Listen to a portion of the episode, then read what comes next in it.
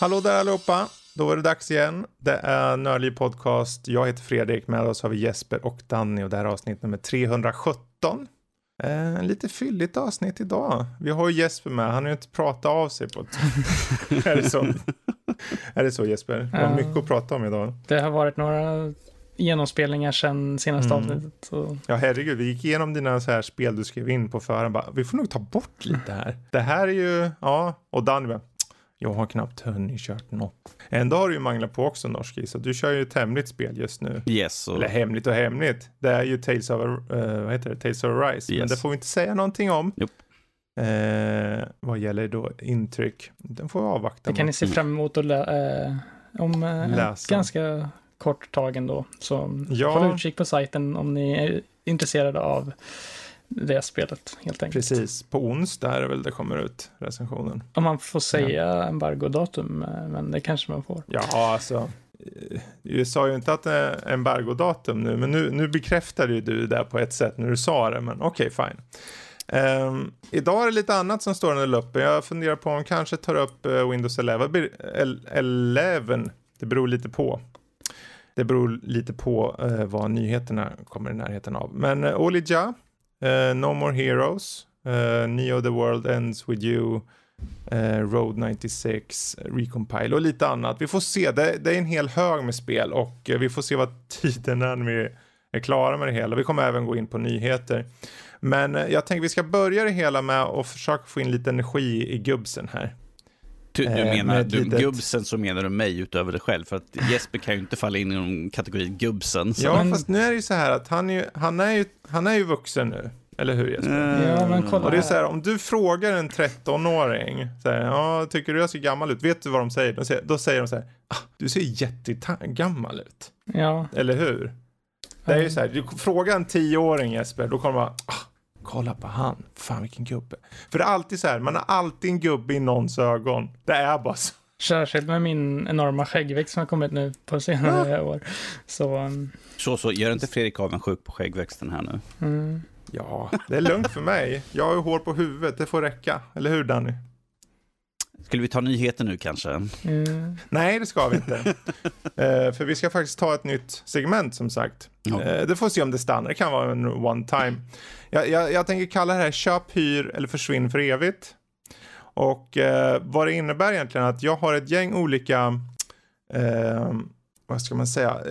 Jag har, det kommer vara tre olika val då. Man får tre spel och ni ska säga en som ni ska köpa, alltså den ni bara, det här måste jag äga. En ni ska hyra, så bara, ja men den här kan jag för ett tag, det är sånt där spel ni vet som man bara klarar ett tag eller orkar med ett tag. Eller försvinn för evigt, jag vill inte se skiten. Men jag har gjort olika kategorier på de här då och ni får välja en kategori. Mm -hmm. Uh, för jag tänkte det blir lite svårt för annars så ibland så kanske det blir så här, ja men han tycker bara om det här typen av spel och hon tycker bara om den här typen av spel och så vidare. Så då är det bättre om ni får välja. Och vi har att välja mellan följande Playstation-spel, Western RPG 1 och 2, JRPG Classic, JRPG Modern, JRPG Modern 2, uh, eh, Souls-like eller Souls, äventyrsspel, Classic Shooters, Classic Co-op Shooter och Modern Co-op Shooter. Och ni ska välja samma. Så vad känner ni att ni vill ha? Vad menar du med eh, typ två på grejerna? Liksom? Det är att det finns två stycken av dem helt enkelt. Två kategorin. Mm. Ja, för det fanns så många. Det du, finns du, många du, spel inom en genre. Så, så här, det, det är ingen idé vi tar uh, något soulspel för att det kommer bara vara försvinn rakt upp och ner. För det kommer inte finnas ett enda som stannar kvar. Man måste, man måste ju välja. Vet nej, nej, nej, nej, jag tänker modifiera på det. Den kommer inte mm. få någon vara kvar. En vacker dag. No. Western RPGs, JRPG Classic, JRPG Modern, Modern 2, Souls, äventyrsspel, Classic Shooter, Classic Co-op Shooter, Modern Co-op Shooter, Playstation-spel. Det är de jag har hittills. Var det en, liksom en eh, två kategori. kategorier eller en nu? Ni kan ta en. vi får se vad tiden blir sen när ni är klara med den här. Ska vi ta Western RPG? För ja, kan vi göra. Ska... Ja, bra. Då har vi Western RPG nummer ett och den innehåller följande tre spel varvid en ska köpas, en ska hyras, en ska ni, liksom, den här ska dra åt helskotta. Försvinn för evigt. Mm. Och spe, spelen är Witcher 3, The Wild Hunt, The Elder Scrolls 5, Skyrim och Mass Effect 1 plus 2. Vad sa den sista var? Mass Effect 1 plus 2. Det vill säga, där har man en, en liten dubbel på, på slutet. Och då är frågan först då, för vi tar en person i taget, för ni får ju välja, det är ju såklart, det här vill jag ju se hur det skiljer sig mellan er två. Uh, om vi börjar med Jesper då, en ska du köpa, en ska du hyra, en ska försvinna för evigt. Vilken försvinner för evigt? Inte för oss så, men jag tror faktiskt Skyrim försvinner för evigt. Mm. Och det är typ bara för att jag känner inte att det spelet har åldrats så bra och jag tycker att main storyn där är typ du ska döda drakar. Alltså det finns inte mer än att du ska mm. typ döda drakar. Precis. Eh, jag Precis. känner att de andra har både liksom sidequests som har liksom betydelse för eh, storyn och main story som är intressant. Mm. Och sen har vi Skyrim där som är ett barn av sin tid, man säger så. Det känns lite som att det har föråldrats lite idag och inte riktigt har samma relevans. Även mm. om det släpps om i typ 30 miljoner utgåvor varje år. Så ska jag säga att... Det eviga utgåvans land släpps ja. det jämt. Bra, men den försvinner. Vad är köp och vad är hyr av Witcher 3 och Mass Effect 1 plus 2? Witcher 3 är helt klart uh, köpspelet för uh, jag tycker att det, det är nog mitt favoritvästen RPG någonsin så det är ganska lätt för mig. Uh, det har både intressant, intressant huvudberättelse och väldigt intressanta um, sidequests och så har den en väldigt mm. in, rolig öppen värld att utforska med mycket olika sidoaktiviteter och ja, helt enkelt väldigt mycket att göra och ja, det finns mycket valalternativ som man kan, det finns mycket så här omspelningsvärde i det. Du kan mm. köra och göra annan eh, romance eh, med någon eller så i en annan spelomgång och så. Mm. Så jag känner att Witcher 3... Det blir Witcher helt enkelt. Ja, det är oh. köp då och, ja. och eh, hyr blir väl Mass Effect 1 och 2. Mm. Eh, de är väl också lite på det sättet. Jag har inte kört så jättemycket av, jag har bara börjat lite på Mass Effect 1, men jag känner att det är väl ett spel som ändå har också det här uh, omspelningsvärdet och mm. uh, mycket valmöjlighet. Ja, men jag känner ja, ändå spännande. att uh, ja, Witcher 3 står det. Det var, det var Skyrim som fick sparken där. Då får vi se vad som sparken och går över till Norskis. Jag tänker hålla med Jesper helt och hållet på att uh, Skyrim är den som uh, försvinner ganska snabbt sådär. Ja, är inte mycket för den spelserien sådär. Så att Skyrim kan försvinna. Jag trodde du körde Oblivion jättemycket. Eller var det Morrowind? Ja, jag, Morrowind har jag kört. Jag har inte kört någon. Jag har testat på de, de senare spelen, för min bror kör dem. Jag mm. kör inte de äh, spelen. Så jag har bara testat på dem. Uh, för att du inte gillar genren eller? För det är ju RPG, open world, ja, jag, har så många, jag har så många andra spel så jag har hållit med till exempel eh, Dragon Age och sådana saker, Mass mm. Effect och medan kör typ Skyrim och de, de typen, eller de spelen. Vi delar mm. upp lite grann, trillingar är udda sådär. Vi är uppdelade i Ja, du menar att bara för han kör kan du inte köra Nej, alltså han kör dem, så därför tänker jag så här, jag, jag har suttit och kollat på den andra spelen så jag behöver inte köra dem. Jag har sett, sett spelen. Men det är ju inte samma sak som att spela jag själv. Jag vet, men vet det är bara så det är, Fredrik.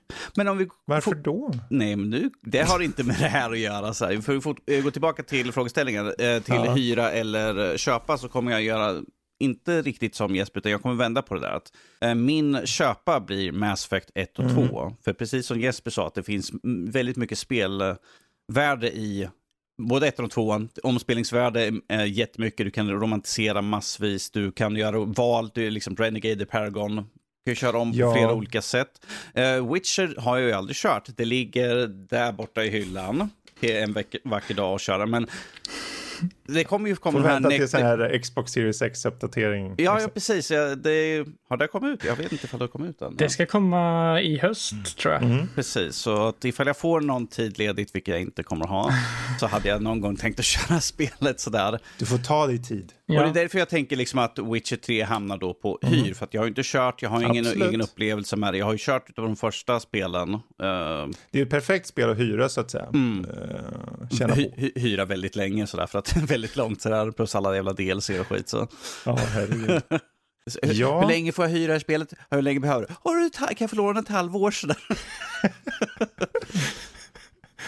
Ja, men det är väl jättebra. Mm. Eh, och det är kul, för många av de här spelen som jag, när jag gjorde det här så tänkte jag, men vi får se om det lever, om det fortsätter leva. Men jag har en gäng olika kategorier. Om ni vill kan vi ta en till eller så går vi vidare till nyheter. Vad säger ni? Jag tycker vi tar en till bara för att det se. Det var lite kul. Ja, vi kan ta en till. Kan, kan, vi, eh, kan vi ta Classic JRPG? Ja, det kan vi ta. Ska vi ta Classic JRPG? Vad kul! Vi hade nu Western. Ja, den sista här då på Köp, hyr, försvinn för evigt. Och det är JRPG Classic innehållandes Chrono Trigger, Final Fantasy 7 från 97 och Earthbound. Earthbound. Så. Mm. Ja, vi kan ju börja med norsk-norsk den här gången då. Um. Och då är ju frågan först och främst vilken, ja du får välja själv. Vill du börja med köp, hyr eller försvinner för evigt? Vi börjar med försvinn. Uh, oh, det var en bra fråga där faktiskt. Um, försvinn skulle jag säga Earthbound. Uh, mm. Utav de här tre i så fall. Det är ett väldigt bra men udda spel. Mm -hmm. Vilket jag tror Jesper håller med mig om att Earthbound är, en udda, udda spel. Udda fågel. Udda, en väldigt udda fågel. En fågel som sitter på, på kanten av ett hus. Där. Liksom man bara, vad är det för fel på den där? Oh, nej, alltså för min egna del så blir det hyra Chrono Trigger och köpa Final Fantasy 7. Mm. Det, det, det, är bara så det måste vara. Uh, Chrono Trigger är ett extremt bra spel. Vilket jag säkert tror att Jesper kommer sätta som första plats nästan till. Eh, för jag vet hur väl han har talat om det under, eh, under väldigt lång tid. Sådär. Men att Final Fantasy ligger mig väldigt varmt om hjärtat. Så att det, det är ett spel jag liksom måste ha helt enkelt. Absolut. Absolut. Ja, bra där. Uh, över till Jesper. Det här var en väldigt svår uh, faktiskt uh, mm, grej. Det är då de är som roligast. Du aldrig... behöver inte gå in så på djupet om du vill. Du kan bara säga så här, okej, okay, vilken försvinner, vilken hyr du, vilken köper du? Jag har ju aldrig kört Earthbound. Ja, ja. Men jag skulle ändå säga att det kanske försvinner ändå. Mm. Jag är väldigt intresserad av att testa det någon gång, men jag känner att de andra två har liksom eh, en sån här legacy-status som känner att de mm -hmm. måste finnas där för de är så väldigt viktiga för spelhistorien Precis. överlag. Precis. Eh, men om man går till dem dock så kommer jag nog faktiskt vända på steken och säga att Chrono Trigger är den som man ska köpa som jag skulle vilja köpa eftersom att den jag känner att den var så före sin tid på så många mm. sätt. Den hade olika slut beroende på mm. lite olika val man gjorde, vilket var väldigt ovanligt i JRPGs på den tiden. Mm. Eh, sen hade den så här mycket innovation. Du hade inte random encounters, vilket är riktigt nice tycker jag. Det, varför har filspelen random encounters idag? Eh, I vissa lägen. Mm. Eh, fattar jag fortfarande inte. Men eh, ja, då skulle jag säga att Chrono Trigger är den. Och sen eh, då Final Fantasy 7. Eh, även om det kanske inte är det bästa spelet idag. Så känner jag ändå att det hade så jättebra en jättestor influens på spelmediet. Mm. Att eh, det är nog hyrspelet här. För det, mm. eh, även om jag kört det liksom, det är ett spel som man kan hyra och som man ska hyra och testa på i alla fall någon gång i sitt liv om man är intresserad av just JRPG. Känner jag. Mm. Ja, men ja. det är väl bra ordningar där. För det är någonstans hela idén att det ska vara lite svårt. Ibland är det lätt, ibland är det svårt. Och jag vet ju inte på förhand vad ni har och inte har spelat också. Så ibland så blir det sådär, ja men det här har inte jag kört kanske så. Um, jag sitter bara och kollar på min Final Fantasy 7 Big Box som står där borta. Så jag bara, det är klart mm. den måste finnas.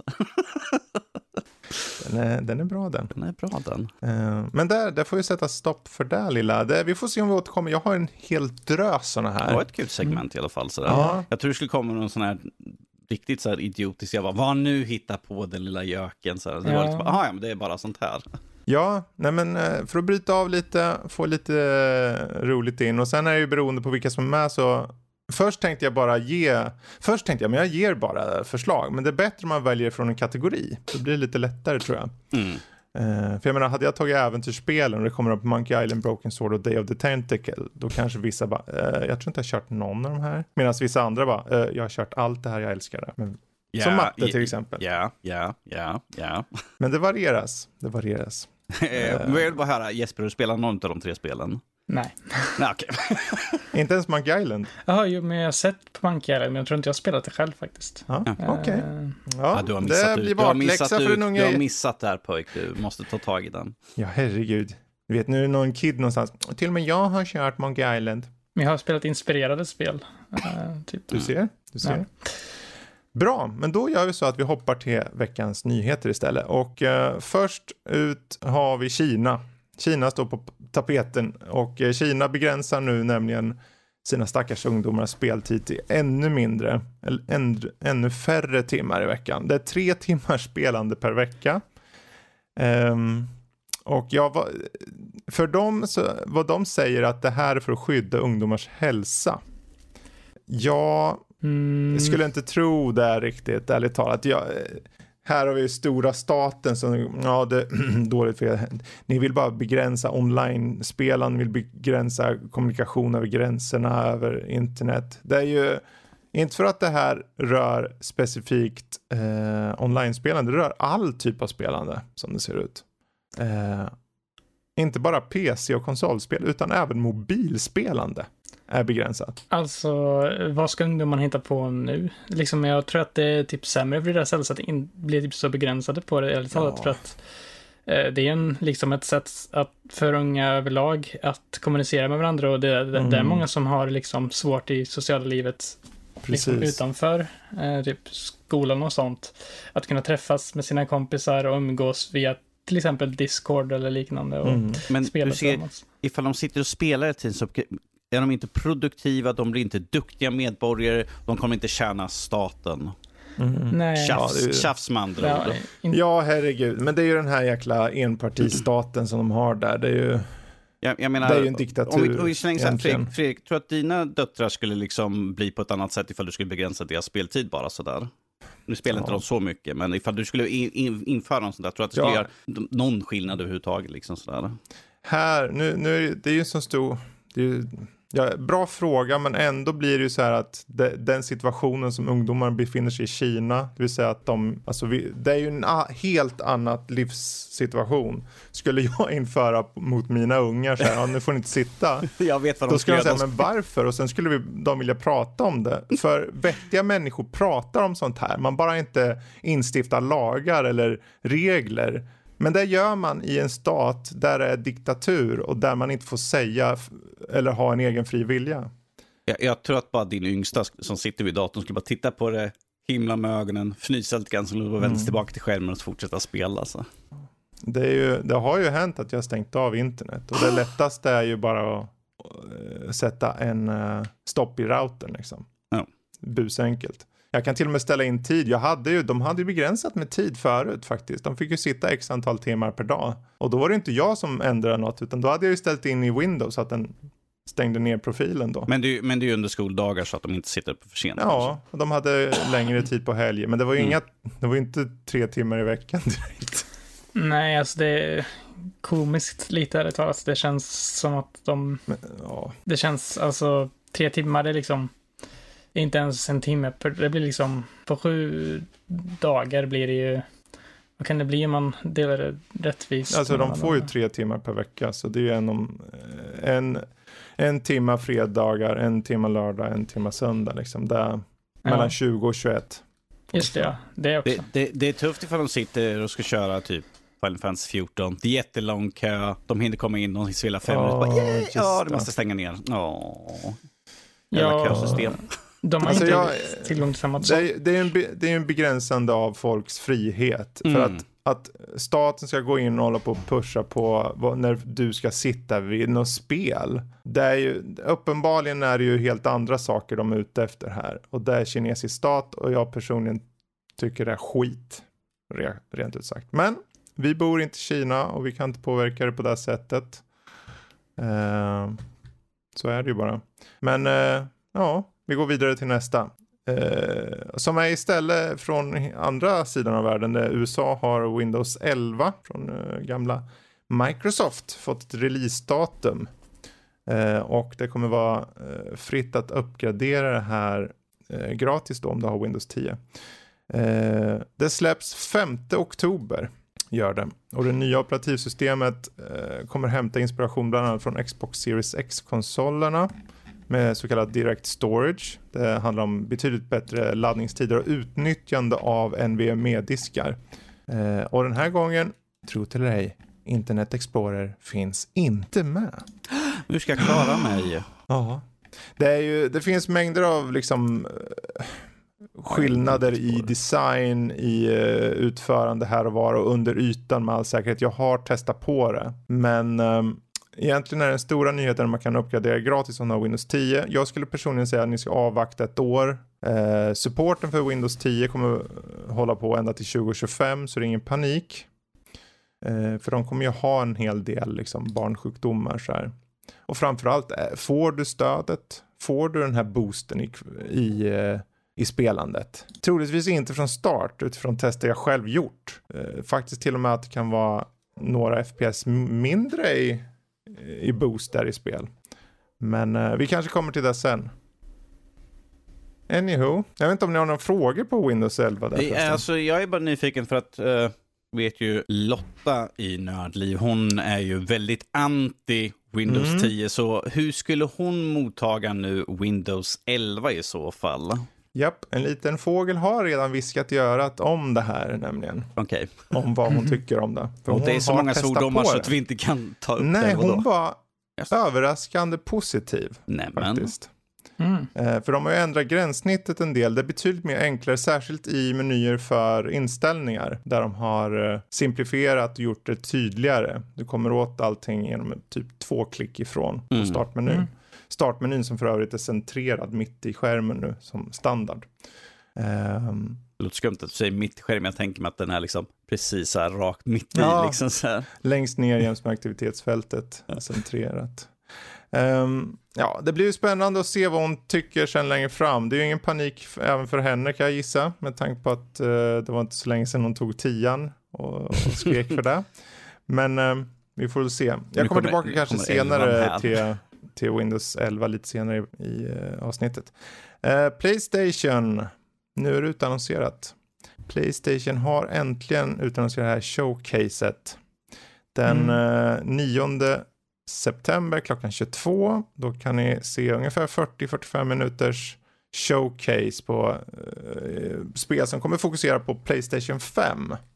De kommer inte ha med direkt några alls vad eh, jag läst eh, VR-spel utan att fokusera på kommande generation, eller nuvarande generationer snarare. Säger vi som alla har varsin PS5 och så är det massor där som inte har. Det är dumt att säga nuvarande när ingen har lyckats kunna köpa den. Men Fast det är ju ändå det. Det är ju ändå ny, nuvarande generationen. Jesper, alltså du, när, när det här utannonserades, då föreställer jag mig hur du satt och dreglade lite inför tanken på vad som potentiellt skulle utannonseras. Eh, Finns det något du ser fram emot eller hoppas kunna se mer av? God of War Ragnarök just nu är väl det som mm. egentligen utav de som inte har visat något alls på verkligen ja. vill se hur ser det här ut. Men det God of War, ja. Ragnarök. Men det som jag... Maj 2022. Det kommer inte hända, men uh, ja. Jag tror det är typ... Jag tänker att de hade en vårrelease på förra. Men nu har de ju Horizon Forbidden West i februari. Mm. Uh, vilket, vilket är faktiskt en grej. När de hade Gamescom announcement av um, annonseringen då av Horizon kommer den 18 februari tänkte jag. Mm. Ja, nu, nu, är, nu kommer inte Sony ha ett event för nu känns det som att uh, nu har de visat det de liksom har. Uh, framöver med det. Och att de kommer säkert ha något kanske typ början av 2022 eller någonting. Mm. Jag, så jag blev väldigt förvånad faktiskt, mer än, än något annat, när jag såg att Playstation ska ha ett event. För jag tänkte, de har precis annonserat datum och så. Och sen, ja, men det ska bli väldigt intressant att se. Jag hoppas också på att få se mer av Final Fantasy 16. Mm. Eh, som ja, annonserades på um, förra årets, jag tror det var typ september förra året som de annonserade det på Playstation. Mm. Och det ska ju vara till PS5 och PC. Så jag känner att det kan ju komma dit. Mm.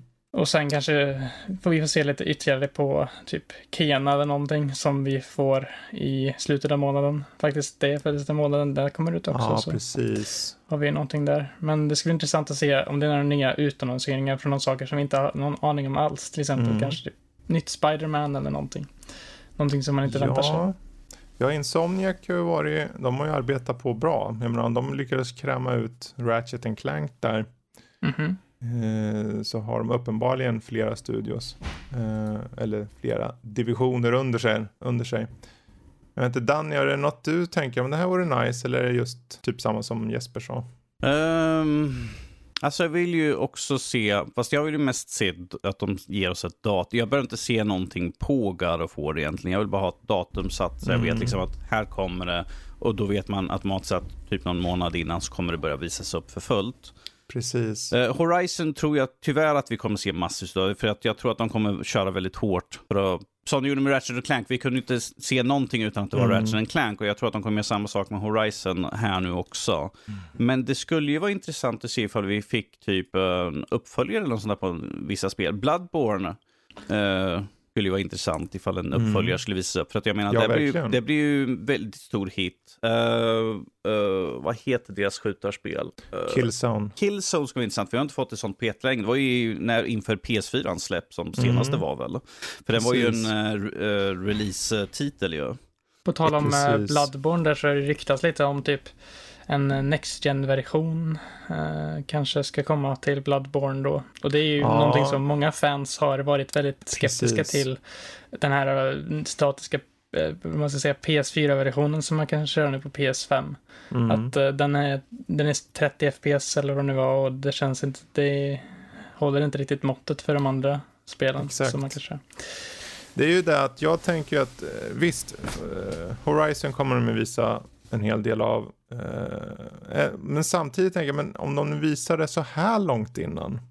Ja, för eh, sist så var det ju ganska nära in på Ratchet. Ja, det var det. Varför skulle de då ha en enorm kampanj nu och inte ha den typ i december? Typ Game Awards eller något. Men om, de, de kommer ju ha den med, för det är ju ett kommande spel som i alla fall är tydligt satt i tid. Men jag, jag är med så här, om, om jag leker med tanken om de släpper i februari för jag menar, Ghost to Tsushima och Last of Us Part 2 som var två enorma spel, de släpptes med två månaders, eller en månad emellan eller vad det var. Inte ens det, alltså det var typ en, Ursprungligen, ja. de vart ju uppskjutna med en månad hit och en månad. De skulle ju ja. ha kommit tidig vår och sen vår ursprungligen. Sen sköts upp och så blev det i sommaren. Och jag tänker, undrar om det vore kul om de hade någonting. Om det nu är Final Fantasy eller om det är liksom vad det nu var. Men att det kommer ett Uppenbarligen får vi Horizon nu i, i februari. Men april, maj, jag sa det datumet God of War förvisso för, för, för skojs skull. Men jag tänker det, det, det, är inte o, det är inte omöjligt att det faktiskt släpps något Playstation-spel där. April, maj för att fylla ut. För det blir direkt efter, äh, efter årsslutet för dem, ja, som är sista mars. Så då får de ett bra start på det nya året. Jo, då tekniskt vad, sett. Eh, när jag vad det efter. däremot skulle vara, det är ju frågan. Mm. Jo, men när du säger det förresten, för att God of War, det annonserade de ganska sent ändå, inte så jättelänge sedan att det skulle, det var typ två månader sedan kanske, att de skulle skjuta upp det till 2022. Mm. Och det ska ju komma 2021 från början och de var ju ganska ja. här, säkra på det. De hade ju liksom en 2021. De avvaktade så långt med att skjuta upp det till 2022 Ja. Men om det skulle ha kommit ut som senast december, är det inte nära till release då? Jag tänker efter så jo, det skulle nog kunna vara en majtitel ändå när du säger. Men, mm. eh, ja. Vi får se. Det är ju en skräll i så fall och den skräll de vet, om vi säger så här, skulle det vara så att, att de, jag tänker att de vill ju fylla på den här våren nu. De, vill, de vet att de säljer konsoler som smör, trots att vi vet att folk inte får tag på dem. Men de, folk får inte tag på dem för att det är så många fler människor som vill få tag på dem. Um, vi har just pratat om det här med efterfrågan och tillgång så mycket. Mm. Um, men um, ja. ja. jag hoppas och tror att de har något, uh, någon utannonsering som vi bara, aha, redan nu, eller va, det spelet? Jag, jag skulle gärna se ett Spindelmannen 2. Ja. Oj, ja. Ja, alltså det, utannonsering, det kan ju vara utannonsering, liksom så här, precis. Ja. Det, om vi säger så här, det är väl bara en tidsfråga. Så är det. Ja. Jag, jag, jag, skulle, jag skulle gärna också se ett... Det här kommer ju aldrig ske för att de har ju redan skjutit ner, men Days Gone 2 skulle jag gärna vilja se. Så, men att det Jaha. har de ju redan skjutit ner och sagt ja, att den, det kommer inte den ske. Den kommer nog bli svårare. ja, jag vet, men... Uh... Därför jag försöker se, kolla på de säkra korten. Uh. Som Spiderman, det vet vi, det kommer komma till slutet. Ytterligare en spin-off till Uncharted då? Om de nu släpper vi kan säga det lite i förbifarten nu, att det har ju kommit ut rykten nu, eller läckor angående att uh, Uncharted ska släppas en så här full game collection nu på PC i december. Mm. Skulle det då inte kanske rimma ganska bra om man har nästa år också en ny Uncharted-del? Ytterligare en spin-off, ungefär som Lost Legacy eller vad den hette var. Ja, varför Ja. inte? Jag menar, de, sku, de säljer ju som smör. Eh, Och ifall de är liksom lika välgjorda som de andra spelen i serien ju, de Mm. senare då, inte de första för de har inte åldrats så jävla väl. Nej. Men så där kommer ju, ja, det kommer ju sälja jättebra. Så det skulle ju vara en väldigt bra idé av dem att göra. Vi vet ju inte riktigt vad de håller på där borta ju. Precis. Så. Nej, jag tänker, ja, jo, det skulle nog kunna vara en grej. Jag ska inte spoila så jättemycket för de som inte har kört det, men i slutet av Uncharted 4 får vi se en karaktär som är en ny karaktär som man kan tänka ändå, den här Mm. karaktären kanske kan göra sitt eget spel.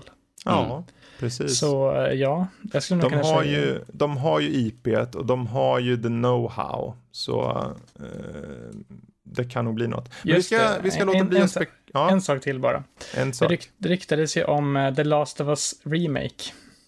Typ. Just det, ja. Så det, även om jag verkligen inte tycker att det är nödvändigt alls, eller någonting i den stilen, så tror jag att det finns en ganska stor chans att vi får se en Last of Us remake här. Jag vilket, jag tänker bara, va? Men Det Ja, enda, jag skulle gå med på det om det visar sig att det inte är Naughty Dog som gör den. Då går jag med Ja, på det. Om de typ. slösar sin tid när de kan göra riktiga nya spel på att göra en jävla remake, då säger jag nej. Jag säger, jag slår ner handen i bordet. Men Ja. de håller ju på med en Last of Us multiplayer-spel ändå ju. Mm. Ehm, de är stora. De har nog resurser. Eh, vi får se. Nästa vecka är i alla fall dags för den här och vi kommer ju återkomma till den förmodligen nästa helg då. Jag, jag sitter så här just bara, inte allt för mycket remakes eller något sånt där. Inte för mycket liksom Eh, remasters. Final Fantasy Remake Part 2, ja det är den sista. Ja, just det. Final Fantasy 7 Remake 2 där. Ja, hur som haver. ehm, vi har då eh, inte några mer nyheter, eller har vi det? Jag hade en. Nintendo-grej, Just jag det. nämna lite snabbt Ja, kanske. lite så här. Vad, vad hade du? Du sitter med lite så här örad mot marken här. Vad har du hört Jesper? Eh, för det har ryktats en hel del om att det potentiellt kommer komma en Nintendo Direkt eh, någon gång under eh, september månad och som jag spekulerar om så är det, kan det redan vara nästa vecka. Eh, Så Mm. tidigt som den sjunde eh, den 7 september. För den 8 september så har Monolith Soft, eh, skaparna av Xenoblade Chronicles-serien, server maintenance, vilket är väldigt ovanligt för dem, vad jag har förstått. Och det är någonting som bara har hänt någon gång och det var när Mm. Xenoblade Chronicles 2 annonserades Mm. precis innan. Och sen så går det ganska hand i handske med en annan grej och det är att Nintendo alltid har någon liten större slags direct eller presentation under eh, september månad, ända sedan Mm. 2016 tror jag det var. Eh, då kan ni säga, tänker, vadå, de hade väl ingen direct för året alls, men de hade faktiskt en grej och det var ju Marios 35-års direct, eh, när de Just annonserade Mario All-Stars i september och eh, de annonserade även eh, Hyrule Warriors Age of Calamity den månaden. Så jag skulle Mm, säga att mm. september är en månad som Nintendo gillar att annonsera saker på. Mm. Så det går ganska ihop, mycket ihop med det. Och sen har det också Absolut. ryktats om att Gameboy-spel ska komma till Nintendo Switch Online nyligen. Mm. Vilket också kan eh, visas på en Direct, tänker jag. Så eh, håll utkik på Nintendos eh, Mm. sociala medier under nästa vecka skulle jag säga. För Precis. det kan komma någon liten smaskig uh, utannonsering där. Ni hörde direkt här. Och jag tänker, 2021, snart 2022. Vem vill sitta och spela Gameboy-spel på sin Switch? Ah, det finns de som vill. Tetris går alltid att köra om. Nej, du, du och Tetris, det är, Det är bra ja. grejer det. Jag hade gärna sett att de slängde in då typ Game Boy Advance, eh, Metroid Zero Mission och Metroid eh, Fusion så att folk Mm. kan spela de Metroid-spelen innan Metroid Dread släpps nästa månad. Men eh, Mm. Just det, just det. i alla fall Fusion, Precis. för det har jag hört väldigt mycket om ska leda Mm. in i Metroid det har ju kommit lite gameplay, ännu mer gameplay här senaste veckan bara på Mhm. Metroid Dread. Det ser ju faktiskt kul ut. Uh, ska bli spännande att se. Men eh, det där får agera slutpunkt för nyheter eller spekulationer beroende på hur man ser på det. Ehm, och är det så att ni själva har lite frågor på det så är det såklart bara hör av er på info nordlivpodcast.se. Ehm, och om man apropå just då vill höra av sig så tänkte jag vi passa på också plugga lite kort på discorden. Ehm, ni hittar den på sajten. Bara gå in på nördliv.se, tryck på connect på den stora discordrutan och vips så hoppar ni in i, eh, i vår discord. Och den här veckans discord-omröstning kommer vara lite då eh, i närheten av just vad de här stackars kinesiska ungdomarna får erfara. I alla fall till viss del. Vi, eh, vi kommer ha en fråga om hur många timmar lägger du på spel i veckan, till skillnad från kineserna. Eh, det... För, ifall man frågar Jesper, hur, hur, mycket tid lägger du inte på spel? Ja. Går snabbare att fråga. Hur många timmar fritid har du från spelen Jesper i veckan? Det kommer vara en separat omröstning bara mot Jesper. Nej. nu börjar det väl bli mer så, för nu eh, har jag vardag. Ja. grejer. Så, mm, men ja. Mm. Vi får, jag ska hålla koll på vad du, vad du skriver, vad du väljer på den här omröstningen då, när den väl kommer ut. Då. Eh, som sagt, hur många timmar lägger du på spel i veckan? Den här omröstningen kommer finnas på vår Discord, så bara hoppa in och eh, vara med i gänget. Vi hoppar däremot vidare till vad vi har spelat eller sett och jag tänker vi börjar med den gode norsken. Du har ju tvingats på recompile. Eh, men var det så illa? Alltså tvingas på det, alltså har ju sett det innan trailer och sånt och det såg ju intressant ut. Mm. Uh, allt, hela spelet utspelar sig i ett datasystem. Du är en litet program som precis skapats uh, i början. Alltså det som slår en först är ju liksom den visuella aspekten. Det är väldigt stiligt, väldigt snyggt. Det är liksom det som fångade in mig. Mm. Uh, lite det har ju lite den här Tron-estetiken. Yes. Um, om vi säger så att det spelet är en blandning av Tron, pussel, plattformande och lite, jag säger FPS, uh, men det är ju inte riktigt FPS för man kommer aldrig i första persons vy som i vanliga skjutarspel. Precis, så här över axeln. Liksom. Det är lite Resident Evil 4, så här, snett över axeln, skjutande. Um, men det är en salig blandning. Mm. Uh, men spelet går mer eller mindre ut att du skapas för att ta dig igenom ett korrupt datasystem som det har hänt någonting med. Och du ska försöka ta dig igenom olika områden, olika system och försöka fixa det mm. Eh, för att kunna få, få fram information. Vad är det som har hänt? Varför har allt gått åt helvete mer eller mindre? Mm. Och uh, under ens resas, resas gång så kan man hitta små noder med information från de personer som har använt det systemet. Det är en uh, forskningsstation Eh, med, jag tror det är sex personer och en helt ny superavancerad eh, AI som styr det. Och mm. när man läser information så ser man att det är en doktor där som tycker att ah, men jag, har, jag har inte tid att göra allt, alla kommer att be mig någonting, så han försöker liksom programmera AI att ta över. Men att ifall man lägger ifrån sig allting på någon annan hela tiden och de inte riktigt vet är det här viktigt? Är det här inte viktigt? Ska jag fixa luftsystemet? Nej, men de tjatar ju om mat så mycket mer, så jag kanske bör fixa det. Man ser liksom att problem mm. kan uppkomma, vilket man ser under tid genom spel, så ser man liksom att det ser inte bra ut det här. Mm. Det, alltså, det, är en, eh, det är en väldigt intressant historia att följa mer eller mindre, så att man letar lite grann efter att hitta dem där.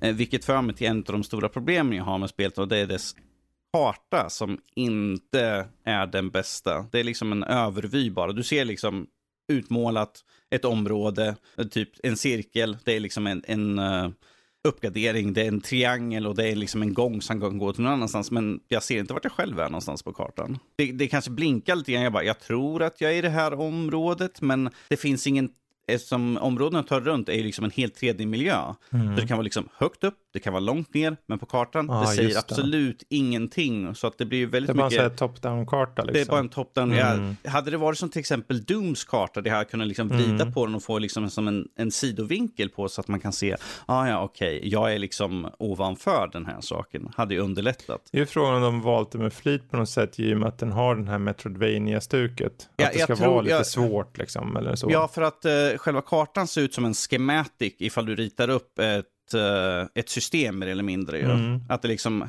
här har du liksom den här som dras till den här, här är system. Så de, det är liksom mer gjort som en, en uh, dataschematic mm. mer eller mm. mindre, hur man bygger upp. Uh, så att jag tror ju att det är avsiktligt, men att det förtar lite grann för mig, för att jag tycker om att utforska. För jag ser precis. att det finns någonting här, jag har ingen aning vart någonstans. Jag är precis här, tror jag, antar. För där ser jag en utgång, mm. då borde liksom den här grejen jag letar efter vara här. Mm. Um, det, som sagt, spelet har ju eh, skjutvapen, men uh, det, ja, det är inte så mycket fiender man stöter på under banorna egentligen. Nej. Det är mest pussel. det är mer pussel. Pussel kan vara liksom att du ska hoppa på knappar för att få en rätt kombination. Mm. Eller uh, ta, ändra om på, jag kommer inte ihåg vad de heter för någonting, men sådana som skickar ström emellan, att du ska ändra att de är Mm. polariserade och opolariserade. Så att rätt kombination blir att till exempel du slår igång tre stycken uh, ljusstrålar som kanske slår igång en hiss, eller Mm. får uh, saker i din omgivning att flytta på sig så att du kan fortsätta din uh, väg fram. Uh, man startar ju upp som ett helt nollställt program så att man har inga förmågor. Man kan inte ens hoppa. Det här skrev jag i min recension att jag måste ha fått något miffo för att jag fick inte upp prompten. För det första man får upp är en prompt egentligen att ja, ja, först är det liksom, ja du kan titta runt så här och här nu har du så du kan hoppa och jag fick inte upp den skiten. Så jag bara sprang kring, sprang till en liten kant, var kanske typ som det såg ut, 30 cm hög. Jag bara, jag kan inte ta mig förbi det här. Vad är det för spel? Vad är det som händer liksom? Jag ska jag skicka till Fredrik och säga, vad är det här för någonting?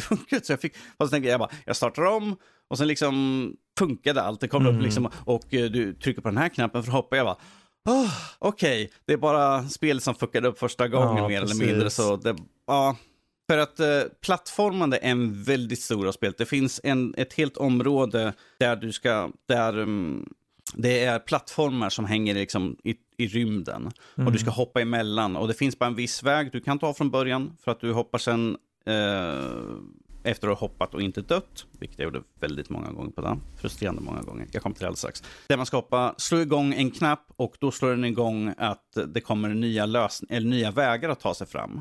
Problemet var, ifall du trillade av en plattform eh, så tog det kanske en 10 sekunder innan du dog. För man såg hur man föll, föll, föll. Det var inte Ah. liksom så att, att, den, att eh, programmeraren hade ställt in, liksom, att är du typ en eller två meter under plattformen så tar du och dör liksom, på direkt. Utan det är liksom, nej jag måste trilla ända ner till botten och slås ihjäl.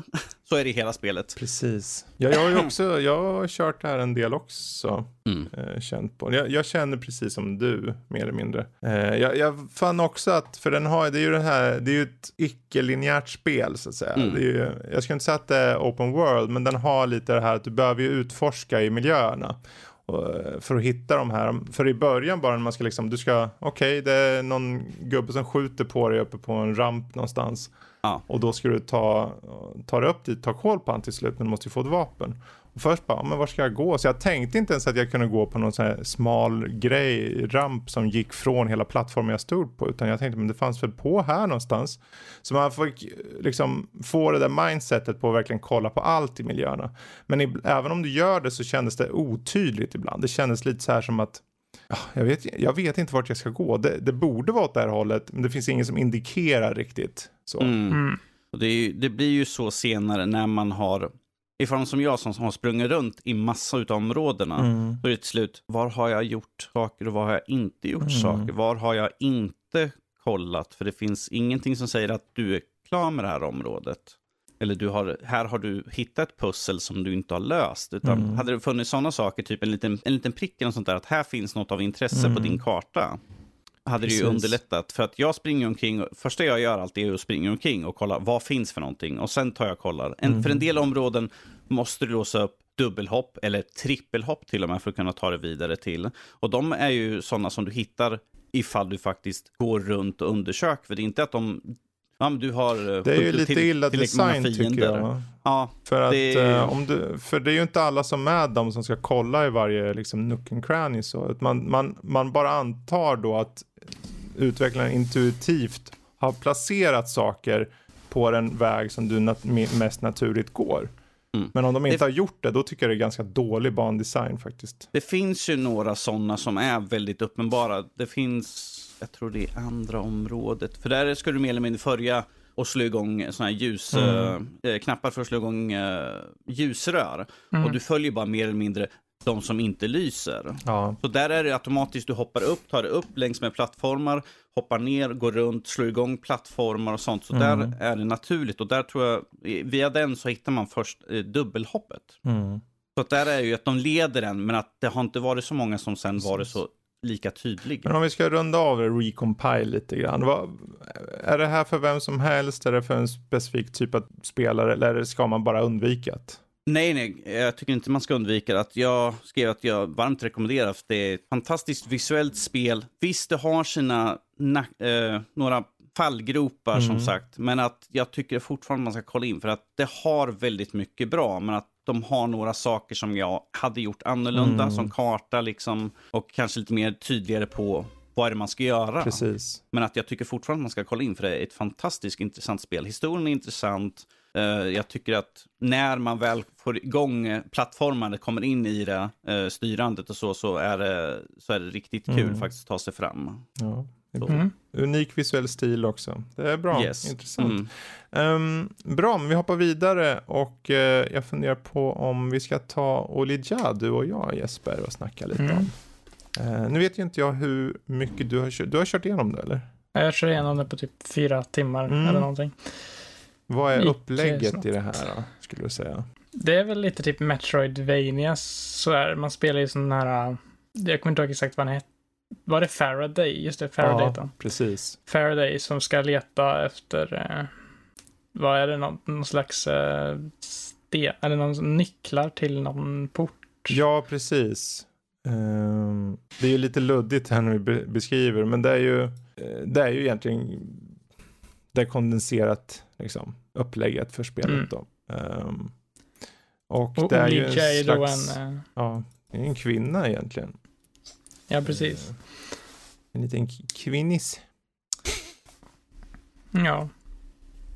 Tyckte Ja, att det, det var, det. tyckte det Det var, var, ganska... det var allt om spelet, så här. jag behöver inte Ja, veta nej, men man är ju en skeppsbruten man liksom som vaknar upp i något land som heter Terrorphage. Och sen så hittar man en speciell så här, mytomspunnen harpun som man då använder för att liksom eh, ta sig vidare genom världen och sen träffar man på den här Olidja tjejen och där har, det finns det finns väl ett, för mig personligen, om jag bara bryter in här nu, för mig, jag fann det väldigt eh, atmosfäriskt. Väldigt mycket fokus på just den här ambiansen eh, och väldigt bra ljudeffekter som jag minns det. Mm. Ehm, och den här, jag varit ganska, för den har ju själva spelets upplägg är ju en slags sidskrollande pussellösar med actionmoment så här, och lite klassisk Metroidvania-stuk nästan. Ehm, fast den har lite sköna vapen som harpunen i sig som du, är det harpunen eller är det något spjut han har som åker, man skjuter, kastar iväg Ja. och sen kan man teleportera sig till där den har fastnat liksom. Om det är det då en- harpun, tror jag? En sån här... är det något det är den här- spjut? Mm. Eh, Men han har ju, han kommer ju få lite olika vapen och så.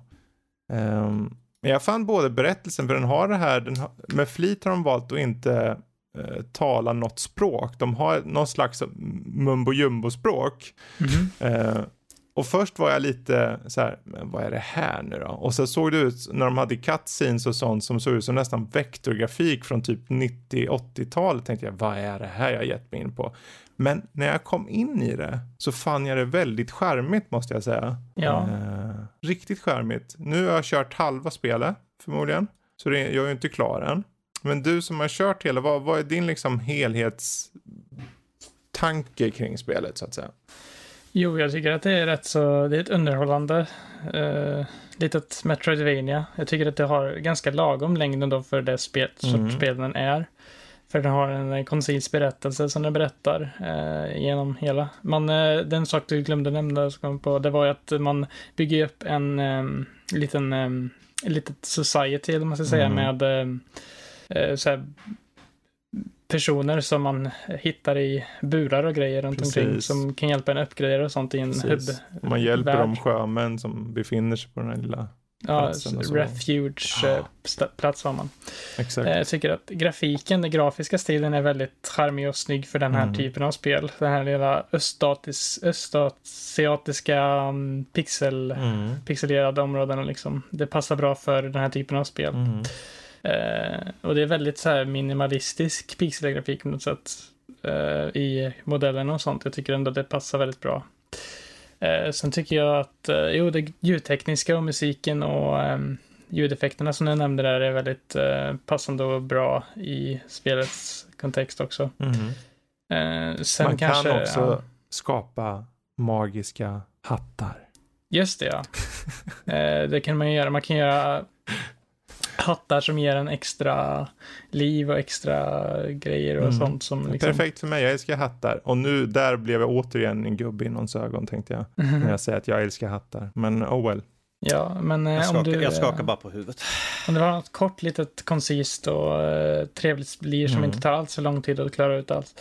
Så tycker jag att eh, Olivia är ett spel eh, mm. som man kan testa på. Det Absolut. finns på eh, de flesta plattformar. Ja, och på Steam finns det demo också vet jag. Plus att det kostar runt, eh, det kostar 15 euro. Så det är inte så jäkla dyrt heller. Förvisso är det som sagt fyra timmar och det har en väldigt säregen äh, grafik. Men jag tycker det är mm. värt det och det jag har kört hittills faktiskt. Bra där. Men äh, om vi ska bryta av lite med något så här tråkigt technobabbel tänker jag. Äh, för jag tänker om jag ska gå tillbaka till Windows 11 lite snabbt. Mm. Go on. Eh, jag har ju suttit, jag har ju hållit på med eh, Insiders Program och därmed har jag fått tillgång till preview-versionen av 11 för att liksom, ja men det kan vara intressant. För jag håller ju ändå på att bygga de här jäkla datorerna hit och mm. dit och fram och tillbaka. Så vad, vad, är då de stora skillnaderna som jag kunde märka? Det var ju först och främst gränssnittet har de ju ändrat och satt längst ner i mitten av uh, aktivitetsfältet. Så du trycker på en knapp då får du upp egentligen hela menyn och allting under på en gång istället. Och där får du då hela systemet, du får, uh, ni vet allting som finns inne på kontrollpanelen och sånt når du på två, tre steg bara. Mm. Precis där. Uh, och överlag så märkte jag att, man, ni vet ju att det finns en sökfunktion i Windows 10 till exempel nere till i regel brukar man ha den. Vissa kan ju ha stängt av den. Men mm. den, den brukar mm. vara så att man, den indexerar ju massor med saker på datorn och så. Här är det inte, det är inte så här, utan den indexerar inte verkar det som. Den bara söker allting på en gång. Så den var extremt ögonblicklig. Och då kan man tänka, men vadå, ja grattis, du kan söka på datorn. Ja, men om man söker på datorn, och man aktivt använder datorn hela tiden, till skillnad från Windows 10, den ska indexera in och ta en kvart för att få fram någonting som ligger bara två steg bort då, då hjälper en del faktiskt. Det är ju riktigt nice tycker jag. För jag tycker ja. att det kan ta alldeles för lång tid att bara gå in här, söka efter den här grejen mm. som man vet man har på datorn någonstans men inte kan hitta den. Och sen tar det liksom, man ser den här laddningsgrejen och ja. bara går igenom. Men det är just det här, det här är väl det som jag bör poängtera, det är de små detaljerna som är skillnaden. För ja, du, när ni installerar det här och om ni gör det då, så kommer ni märka då som sagt först och främst det visuella, att det är centrerat då vad gäller just det. Men det är ju, om man vill kan man högerklicka och byta på aktivitetsfältet, att det är precis som förut håller sig till vänster. Eh, vad de däremot har, det är en massa så kallade snap groups. Och det betyder att eh, för er som har antingen eh, flera skärmar, man kan nämligen göra även virtuella skrivbord busenkelt på det här så finns det en liten knapp man trycker på och då får du välja vart dina fönster ska placeras på din skärm. Så att du kanske på, en, på ett klick så får du, säg att du har en Explorer eller Chrome och sen kanske streamingprogrammet OBS till exempel. Trycker på en knapp och då delar de sig och sätter sig på två sidor av skärmen. Eller tre, eller i en viss storlek på olika sätt och så vidare. Så att hur du då använder av, av eh, datorn och bara för runt på och appar utan att behöva dra i någon, dra den i kanten och sen ska jag öka storlek. Det är bara en snabbklick och så sätter de sig precis som du vill ha på fördefinitionade presets nästan så här. Man ser som små bilder som ser ut så som det kommer se ut. Och det är just bara en mindre del av det. Sen att det är lite tråkigt att de integrerar Teams. Det är lite så här, varför ska ni integrera Teams? Nu försvinner Skype tänkte jag, men nej, Skype var kvar. Jag fattar inte vem använder Skype egentligen. Eh, jag blir lite trött. Men det som egentligen är den stora grejen, och jag kommer, jag kommer inte hålla mig så mycket längre, den stora grejen är ju såklart implementeringen av Xbox eh, Game Pass och Xbox-appen rakt in i, eh, i, Windows den här gången. Förut fick vi installera det för, på egen be, bevåg så att säga. Mm. Nu är det integrerat från start.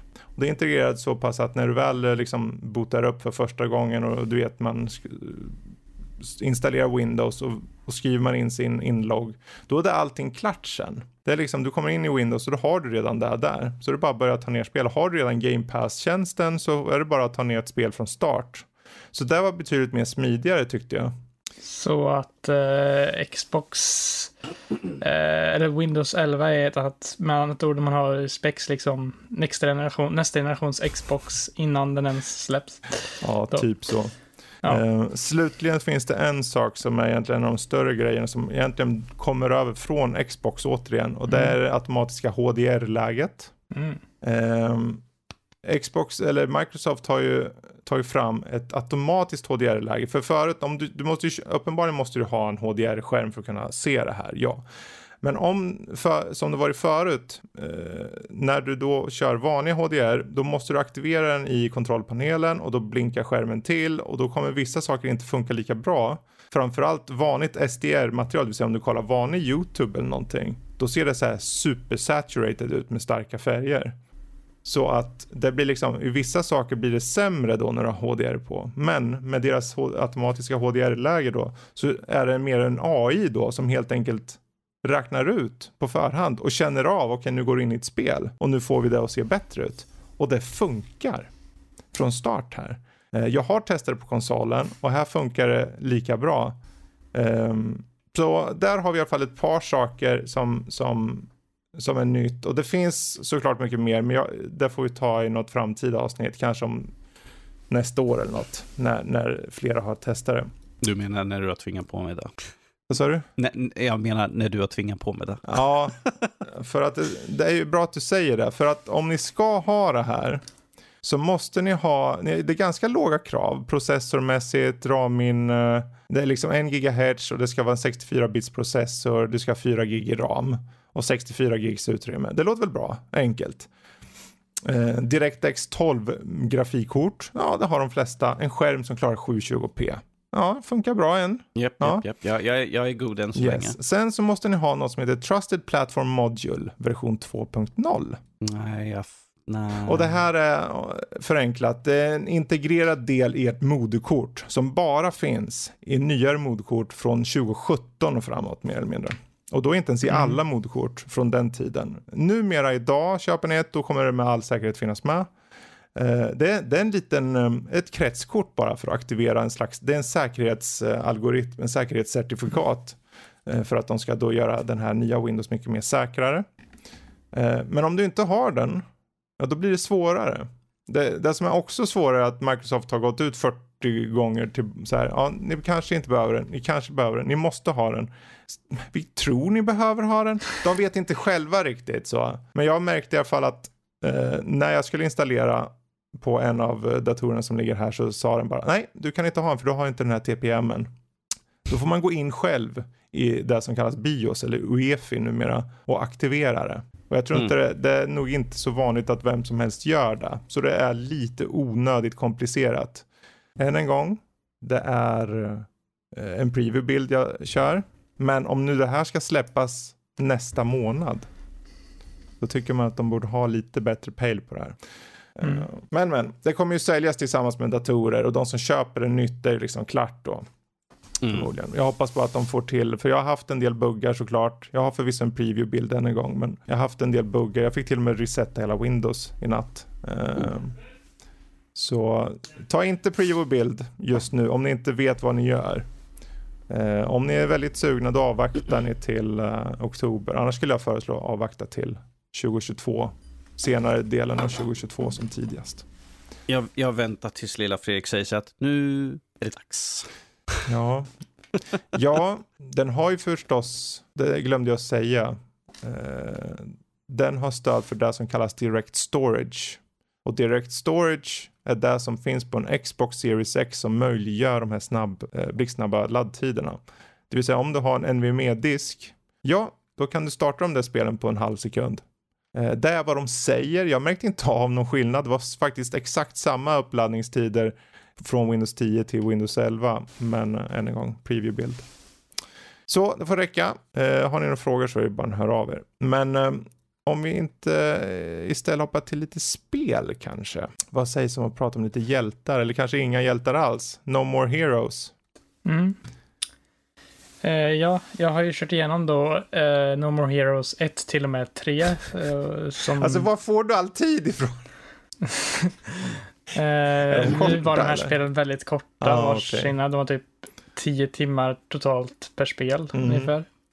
Eh, och eh, jag tänkte lika gärna att jag redan, jag hade ju skaffat de här um, limited run-versionerna av 1 och 2 så jag kände att eh, det var nog dags att köra igenom dem nu innan trean så då körde jag dem. Absolut. Eh, på Switch också så det blir lite lättare att köra mm. då ändå tycker jag för då ja, kan man köra lite när som. Uh, no More Heroes handlar i alla fall om uh, Travis Touchdown, en uh, otaku med, som kollar på anime hela dagarna, som vann en beam katana, katana på ett lotteri och blir intagen i en assassin, en lönnmördar tävling, en rankingtävling när han ska bli den nummer ett, eh, nummer ett av alla lundmördare i världen.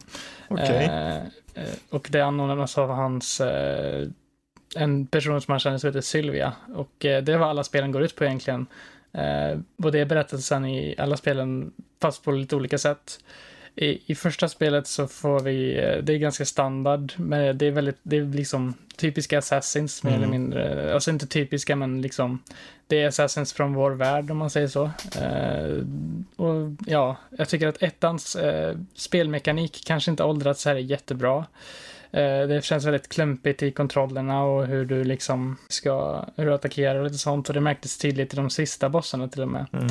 Eh, Det var illa där, tycker jag. Det, man har en öppen värld som man utforskar i både ettan och trean faktiskt. Där du åker runt med din motorcykel och gör lite roliga jobb som du får pengar för för att kunna delta i nästa eh, rankinguppdrag.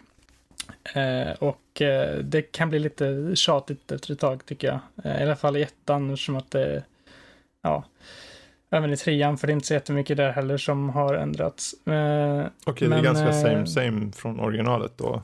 I trean Ja. också. Ja. Humorn i de här spelen är dock helt eh, galen. Det är väldigt mycket grova ord och väldigt mycket, ja, det är han som har gjort de här Suda 51 och har en Mm. väldigt speciell stil. Eh, och väldigt mycket fjärde väggen-skämt och grejer.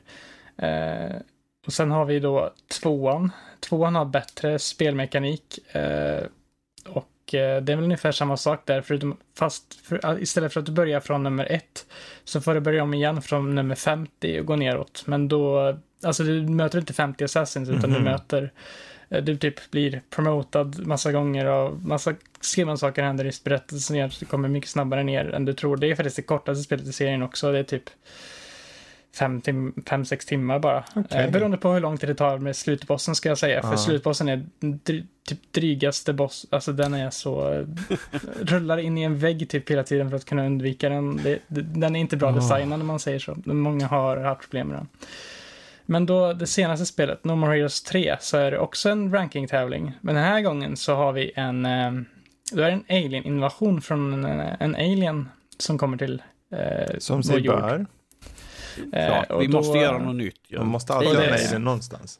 Det är en eh, högt uppsatt, eh, eh, typ, eh, ja, han är med i något företag som eh, känn- lärde känna en alien när han var liten. Och den här alien skulle komma tillbaka sen till honom. Han heter Fu. Och det verkar som att den här Fu var mycket konstigare och galnare än han trodde. Och han hade med sig ett helt, eh, ett helt ensemble av aliens som ska hjälpa honom eh, att ta över världen. Eh, och ja, då ska ju då Travis möta dem i strider och så. Mm.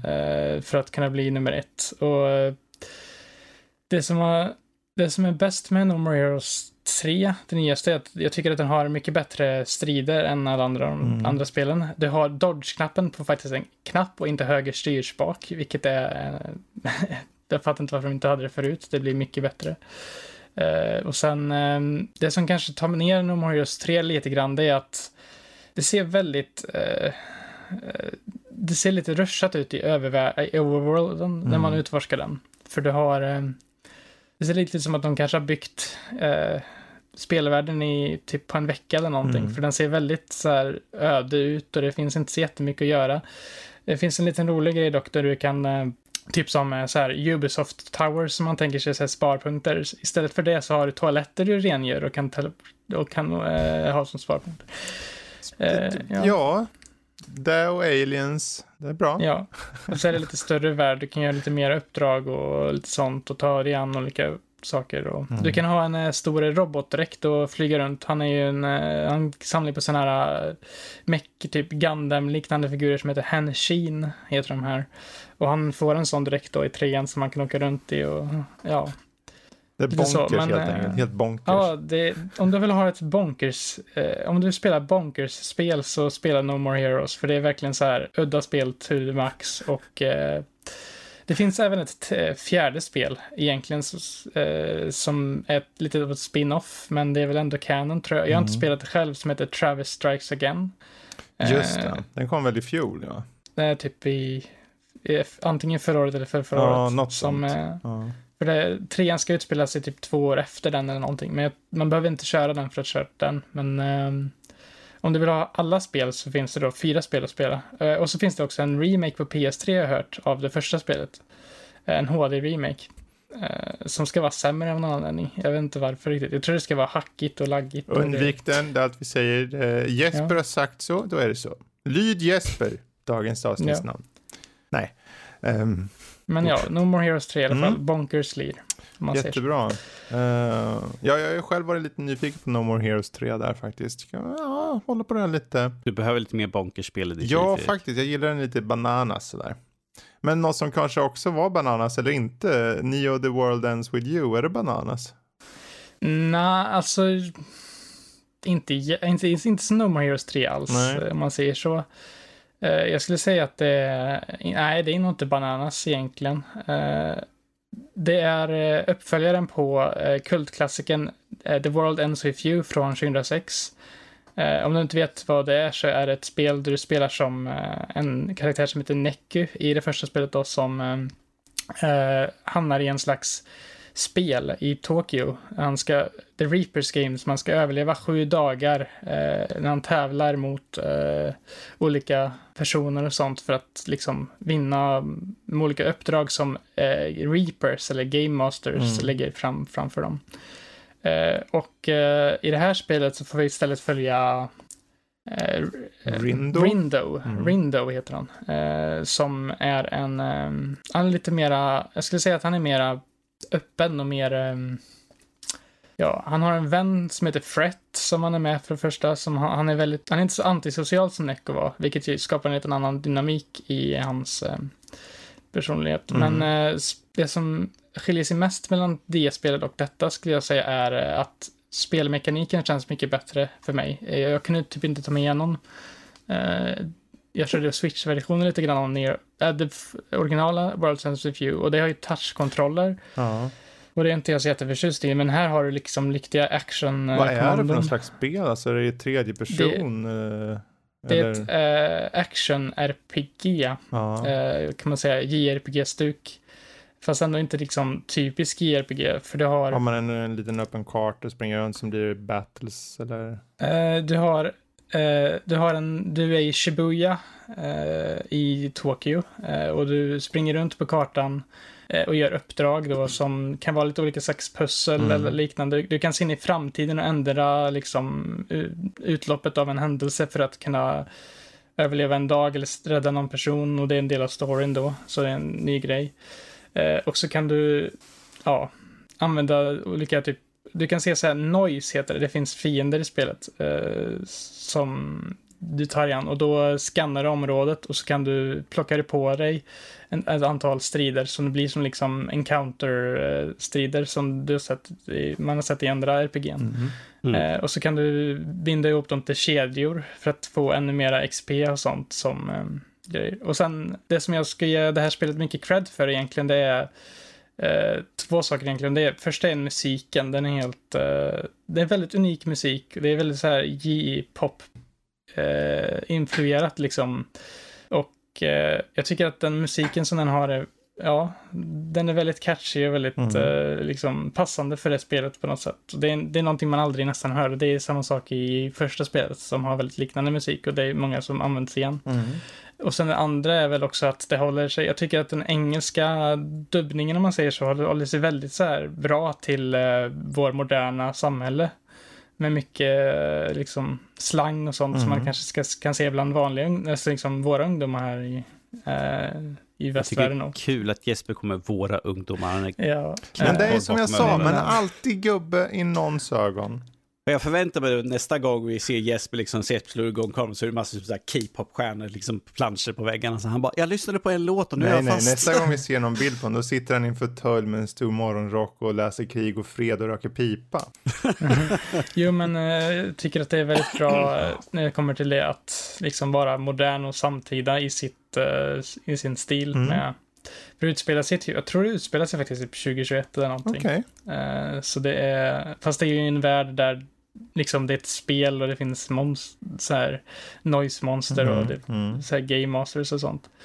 Jag skulle nog faktiskt säga att det är en utav årets hittills bästa spel de har kört i år. Härligt. För det har intressant berättelse och eh, så också. Och väldigt mycket eh, som eh, spelare av första spelet kommer haja på eh, senare spelet som är ganska överraskande, eh, om man säger så.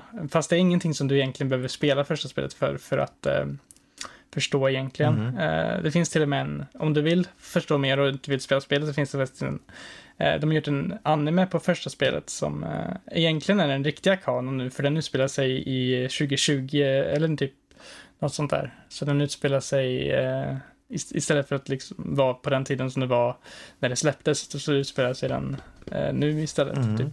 Mm. Så ifall du vill vara mer canon så är det nog att se animen i så fall. Mhm. Eh, men ja, en rekommendation om du gillar JRPGs och eh, ja, ett, ett underhållande spel. eh, Ja. Helt enkelt. Neo, The World Ends With You. Eh, bra, jag har själv funderat på att kika in den faktiskt. Eh, särskilt det angående, för nu börjar vi närma oss årets slut, närma oss Goti. Det här är en av dem som är nominerade. Så det vill Mm. man ju testa.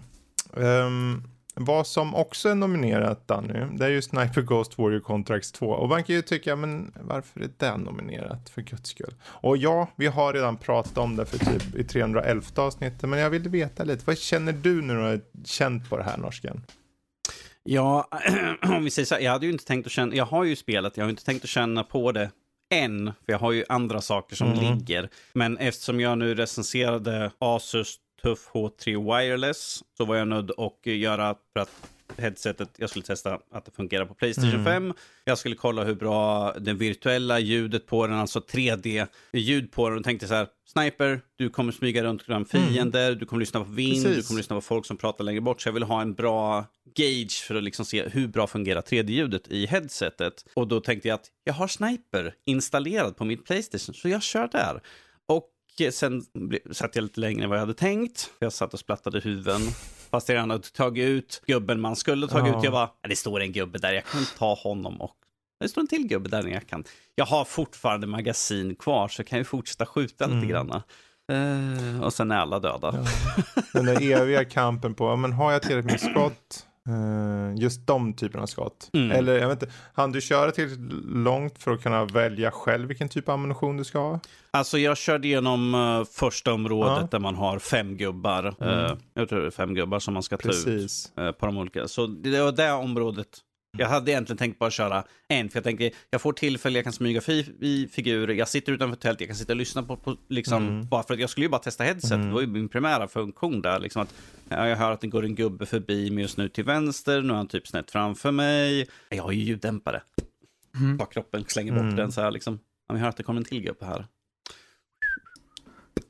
Ja. Och sen fortsatte det bara. Liksom, jag skulle bara in och testa, eh, liksom bara för att höra. Sen, sen var det liksom att kan ju bara, jag måste ju bara se ifall det, if, hur ljudet är lite längre in i spelet. Och jag hade haft redan en sån här slow mode, alltså typ ett huvud som exploderade. Det såg ut som två stycken köttbitar som slogs emot varandra Mm. så här liksom och blod bara splattade. Jag bara, hmm, jag ska bara någon Det är till. så konstigt, man blir så morbid.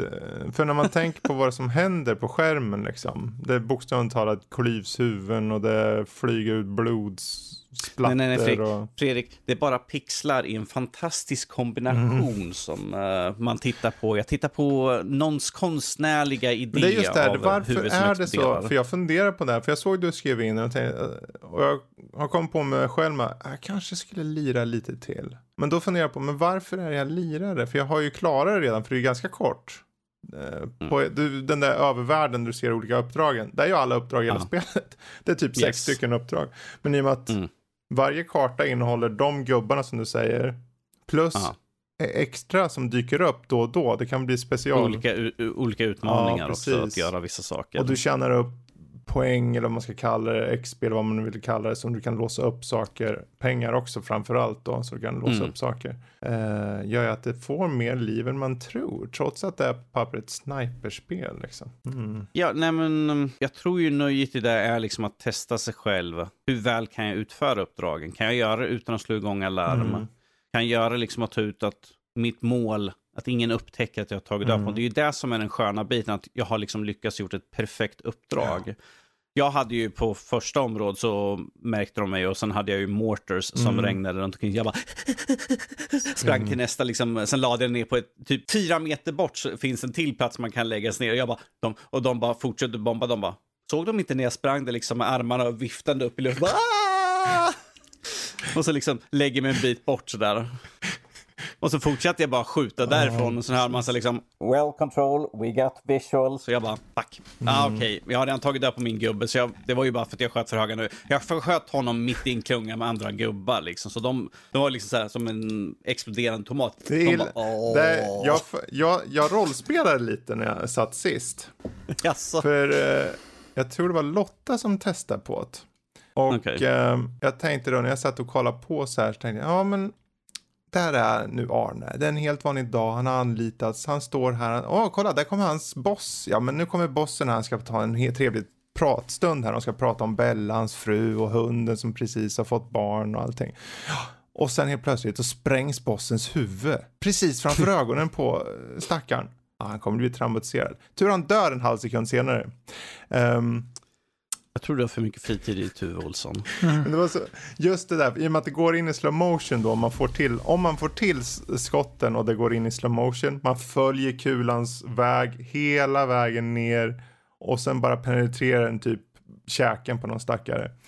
Eh, och så ser man någon stackars huvud flyger. Det, jag vet inte, det är någonting morbid om, om man, om man tycker om att se de här uh, eh, slow shotten så kan man ju öka på hur ofta eller hur lite de kommer mm. vara. Ju. För du kan ju höja och sänka liksom att jag vill ha att det händer bara typ hälften mm. så ofta. Jag vill ha att det är typ dubbelt så ofta att, uh, att det finns. Så att man kan ju själv välja. Jag hade liksom bara på Händer det så händer det Precis. mer eller mindre. Jag hade standard på för jag tänkte så här, Precis. det var inte det jag var inne för.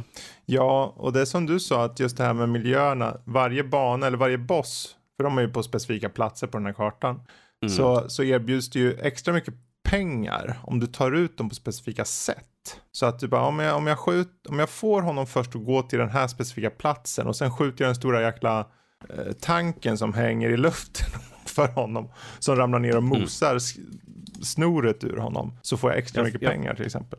Jag fick ju en trophy för att man skulle skjuta en gubbe medan han var ute och kollade på de här parabolerna. Uh -huh. uh, det var liksom att skjuta honom i samband med att han har varit utforskat. Mm. Sådär. Han var visserligen, han hade precis gått in på sitt kontor. Jag sköt när han sänkte sina blinders, sina metallblinders. Så han precis få han, skottet gick precis in under blinden så träffade honom i typ sidan av bröstkorgen. Mm. Jag bara, Ho, det där var nära, för det var bara en ren chansning att jag slängde iväg ett skott där. Däremot story.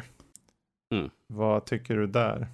Hittills? Uh, alltså det är ju ett sniperspel. Du ska ta ut korrupta personer. Mm. Uh, ja, storyn är ju ingenting speciellt tyckte jag Nej, just precis. nu. Sådär. Och den fortsätter det, vara det, som... Det är mer men det, det är ju bara den här, precis som i alla andra eh, som i de original sniperspelen, så ja men du ska skjuta Hitler i slutändan. Mm. Så. Det är andra världskriget. Det är svepskäl och de försöker ja. inte ens. De vet ju om det, men spelet... Ja men uh, genera, general bla bla bla, bla uh, är ond och har förtrycker sitt folk ta, ta död mm. på honom. Det, det, är egentligen mer eller mindre så. Det här är en ond person, ta döda mm. honom. Så blir livet bättre för alla andra. That's it. Det, det, det, är liksom bara att de har lagt upp, ja men den här personen har gjort de här hemska sakerna mot mänskligheten. Och så. Jag bara, nej men han är bad guy, jag ska bara ta död på honom. Ja, och är det så att ni vill ha koll på folk i det här spelet så kostar det 200 spänn på PC. Eh, och det kostar typ eh, 250 på Xbox. Det dyraste är Playstation 5 för 319 kronor. Jättedyrt mm. alltså. Det är, alltså. det är ett väldigt billigt spel. Och det är, det är ju nytt för i år, så jag tycker det om ni har möjlighet och bara vill ha lite kul för stunden. Jag skulle, det är ju knappast Shakespeare i film eller i spelform det här. Sp spelet har ju det att du kan ju bara köra igenom det för höga nöjets skull. Och sen kan du gå lite mer competitive och faktiskt försöka ta och plocka alla utmaningar. Mm. Så då får man ju några timmar oh ja. till. Det finns mycket där. där. Det finns ju ja. jättemycket. För att se vem som är herren på Precis. täppan egentligen. Det är hela poängen varför de har så få banor för att man ska köra om dem för att ta ut saker på så många olika sätt som möjligt. Ja, mm. ja, men uh, Sniper Ghost Warrior Contracts 2, där har ni det. Uh, och uh, jag tänker vi kanske ta och hoppa tillbaka. Jag är nyfiken på den här Road 96, Jesper. Ja. Vad är det då? Det är ett väldigt unikt spel. du spelar som Eh, ett antal ungdomar som ska fly från en totalitär regim som håller på att förfalla. Eh, det ska vara nyval om några månader och ehm, ja, eh, det verkar som att jag kommer inte ihåg exakt vad han hette, men det var en väldigt högt uppsatt snubbe som verkligen ehm, manipulerar alla på något sätt. Och, det var en incident med någon, de hade sprängt väggen som var, eller vad det var, de har en sån här vägg vid, eh, som vid liksom landsgränsen. Mm.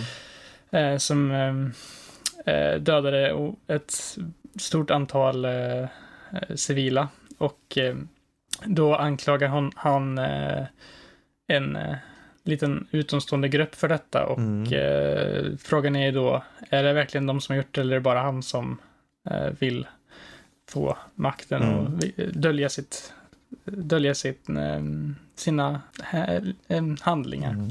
helt enkelt. Och eh, det är ganska så kort spel. Du får spela som ett antal ungdomar som tar sig igenom på väldigt intressanta roadtrips där du antingen kan hitchhika längs vägen eller så för att hitta till just den här Road 96 då som leder en ut ur landet och kunna fly från den här regimen. Och eh, det finns många intressanta karaktärer här som du stöter på. Eh, till exempel en 14-årig hacker som kör en egen bil eller eh, en eh, person som har mist en nära som blir väldigt sur om du säger fel sak. Mm. Eller en polis som är ihop med en eh, som är kär i en person som hon eh, egentligen jagar fast hon inte vet det. Mm. Och lite så här roliga. Ja, udda, ett udda gäng och eh, några tjuvar som är med på vägen och ja. Det finns en hel del eh, skumma typer här. Eh, men de är väldigt eh, intressanta och välskrivna och mycket, mycket av deras berättelser går ihop mot slutet av spelet så man får liksom lite aha moment där om Okej. aha, det kanske var så här det var och så. Men ja, eh, du, får, du får välja lite själv hur du vill att slutet ska vara också. För du kan välja att antingen eh, längs vägen liksom stödja den här eh, totalitära regimen genom att eh, spraya med flask, en flaska på liksom eh, affischer Mm eh, för den andra eller göra tvärtom mot honom eh, eller stå helt utanför och vara emot, i motståndsrörelsen. Så det finns mycket så här, det finns mycket val helt enkelt som du kan välja. Eh, som påverkar slutet av spelet. Och jag tror jag fick en av de bättre sluten. Eh, Mm. Vilket ändå kändes ganska bra. Eh, och eh, ja, det var, jag tyckte det var väldigt bra. Mm. Det kanske har lite, det kanske finns lite aspekter av eh, till exempel animationer och sånt som kanske inte riktigt är, man ser att det är ett indiespel väldigt tydligt, men eh, jag tycker lite ändå det är en liten del av charmen med det också. Mm. Att eh, man kan se att det kanske inte är den största studion och att det här är kanske en av deras första spel, Mm. kan jag tänka mig. Men ja, om du är ute efter ett eh, unikt litet spel som eh, kan ta dig med intressant berättelse och eh, med teman som kanske inte riktigt ses oftast, och lite politiskt nästan, eh, så rekommenderar jag det här Road 96. Det finns på PC och Switch. Men jag har hört lite grejer, jag spelade på PS-versionen, då hade jag inga problem med framerate och sånt, men jag hörde på jag hörde någonstans från någon som hade spelat på Switch och upplevde mycket framerate-problem. Så Ah, jag skulle okej. nog kanske rekommendera dig att spela det på PC om Mm. du har tillgång till det. Precis.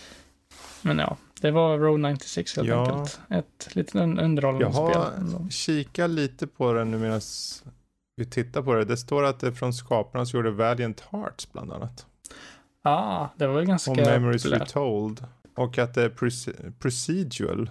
På, Ja, precis. Eh, du har ju olika roadtrips uh, som du kan ta dig an. Du kan ju eh, liksom hit, eh, ringa efter en eller liksom ställa dig med en skylt så, och då kan det komma en slumpmässig, slumpmässig person som eh, plockar upp dig och du kan ha olika konversationer med den här personen beroende på liksom procedurellt genererad värld. Mm. Så du kan få väldigt mycket olika spelomgångar.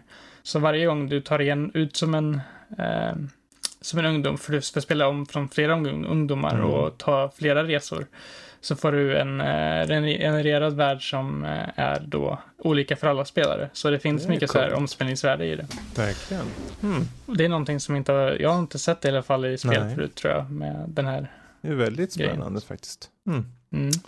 Ja, Ja, se där. Men uh, vet du vad? Tiden går och jag tror vi ska börja runda av. Vi har en del goingar, men de tar vi nästa gång, uh, tror jag. Så de får ju, de karamellerna suger på. Men jag tänkte fråga er om ni vill så kan vi ta snabbt en sista köp, hyr, låta försvinna för evigt. Är det något ni vill eller? Ja, sure. Jag är på. Bra, för då kommer jag säga ett par genrer så får ni välja en tillsammans sen. Vi har Playstation-spel, vi har Western RPG 2, vi har JRPG Modern, vi har JRPG Modern 2, vi har Souls, vi har äventyrsspel, Classic Shooter, Classic Co-op Shooter och Modern Co-op Shooter. Så, ge mig en genre. Jag är lite intresserad av JRPG Modern faktiskt, vad det kan innebära. Mm. Ta nummer ett där då. Bra. Då har vi tre spel och en ska då köpas, en ska hyras, en ska försvinna för evigt. Så är det. Och det är mm. Final Fantasy 7 Remake. Det är Octopath Traveler. Och det är Dragon Quest 11 S, Echoes mm. of an Elusive Age. Så, Vad sa du sista var? Eh, Dragon Quest 11. Ja, de här tre, Jesper, du har väl kört alla de här va? Ja. ja. Eh, jag har Vänta lite. Uh, jag, har klar, jag har klarat ut alla helt och hållet förutom Octopath som jag bara kört igenom en story på. Mm -hmm. det är väldigt mycket content det. är det väldigt ju... mycket i den. Men då om vi börjar med dig då Jesper, du som har koll på det här. En ska bort för evigt, en ska hyras, en ska köpas. Vad vill du börja med? Jag kan väl säga det som ska bort och, och då skulle jag nog faktiskt, även om jag tycker att det är ett väldigt bra spel så skulle jag faktiskt säga Dragon Quest 11. Mm. För det är i mångt och mycket ganska traditionellt, gammalt, eh, gamla skolans JRPG. Mm. Och eh, som jag vet det så är det väldigt likt många gamla Dragon Quest-spel. Så jag tror inte man eh, missar sig jättemycket av att spela något annat mm. istället för det här. Okej, okay, bra. Och eh, därför säger jag det. Absolut. sen skulle jag nog säga på hyr då Dry Octopath Traveler. För jag tycker att det är ett väldigt bra spel och så. Eh, och, men att Eh, ja, eh, jag har inte kört klart det helt, så jag skulle säga att inte jag har ett helt eh, definierbart och du har kört igenom hela spelet med en karaktär? Eller? Det har jag gjort. Och många andra stories in, men jag har inte kört klart alla stories ah, helt och okay. hållet. Men jag har ändå typ 60-70 mm. timmar på det skulle jag tro. Mm. Eh, och så då eh, Final Fantasy 7 Remake eh, skulle jag säga som köp för att det är i mångt och mycket en gammal klassiker som kommer tillbaka i en ny, ny stil med ny, ny eh, innoverande gameplay mm. med väldigt mycket inslag av gammalt men ändå även mycket nytt med att den har den här blandningen mellan action och turn-based mm. som eh, jag tror att många även i liksom modernt kan uppskatta får, kan uppskatta det här spelet nu när det inte är turn-based längre. Precis, precis. Och eh, även med, med många in, spännande inslag av story som eh, det kan ta väldigt många spännande vägar på i framtiden. Mm. Så om man vill skaffa någon av de här, eller så tycker jag att man ska skaffa den nu eftersom att den inte riktigt är klar än heller. Eh, den kommer ju i flera delar Precis. Eh, sen också. Ja, bra där. Men ja. Eh, då hoppar jag till norsken då. Vad säger du? Vilken vill du börja med? Uh, vi börjar med botten och går uppåt så här. Och uh, precis som Jesper, så jag tror att uh, Dragon Quest 11 faller bort. Jag har haft många tillfällen att testa på att köra tidigare spel. Mm. Har tyvärr inte fallit mig direkt i smaken sådär. Alltså de är ju fullt körbara. Det är bara att de kanske inte hittar min intresse så jättemycket sådär. Mm. Uh, de är väldigt same same tycker jag igenom. Precis som Jesper säger, jag tror att är, man missar inte någonting för man inte kör, uh, hyr eller köper Nej, den här precis. helt enkelt. Uh, Octopath handlar också på hyra för min del. Uh, jag tror att det är så här man kan hyra, köra igenom en quest med en karaktär eller en genomgång med en karaktär. Hyr den igen, ta nästa mm. karaktär eller mellan varven. Bara, så att säga. Ja, men jag tror jag är nöjd med en. Typ så kan också ja, vara. det kan man ju också göra sen. Uh, Final Fantasy 7 remaken blir en köpa så att den kan stå bredvid min uh, original Big Box. Sådär. Inte för att, nog för att det fanns saker jag inte riktigt var nöjd med i spelet. Sådär. Jag ser det mer som en reimagining. Det är inte en remake eller en remaster, en reimagining för att de gör om väldigt mycket mm. saker. Uh, men de, alltså spelet ser ju fantastiskt mm. bra ut. Det är väldigt välgjort och så. Um, och jag hoppas att det inte dröjer allt för länge när vi får Precis. fortsättningen på det helt enkelt. Ja. Eh, hint, hint, nästa torsdag utannonsering då. Vi får precis, vi får ju se. Ja, precis. Mm. Alltså, det är omöjligt finns ju. Ja, herregud. Mm. Jag menar, Final Fantasy 7 remaken kom ju ändå in på vår topp 10-lista på Goti förra året. Ja. Det är ett jäkla bra spel. Eh, bra, men det där, då har vi slutpunkten där. Eh, är det så ni vill ha mer av oss, ni vet eh, schablongen in på nördliv.se eller nordlivpodcast.se och eh, läs och eh, framförallt gå med i Discord. Det finns en stor knapp där står Connect, bara hoppa in. Jag menar, vi sitter på Discord just nu. Vi gör ju det. Vi gör ju det. Mm. Så med det sagt så tackar jag för mig, jag tackar Jesper, jag tackar Danny och så säger vi hej då allihopa. Toodaloo. Hej då.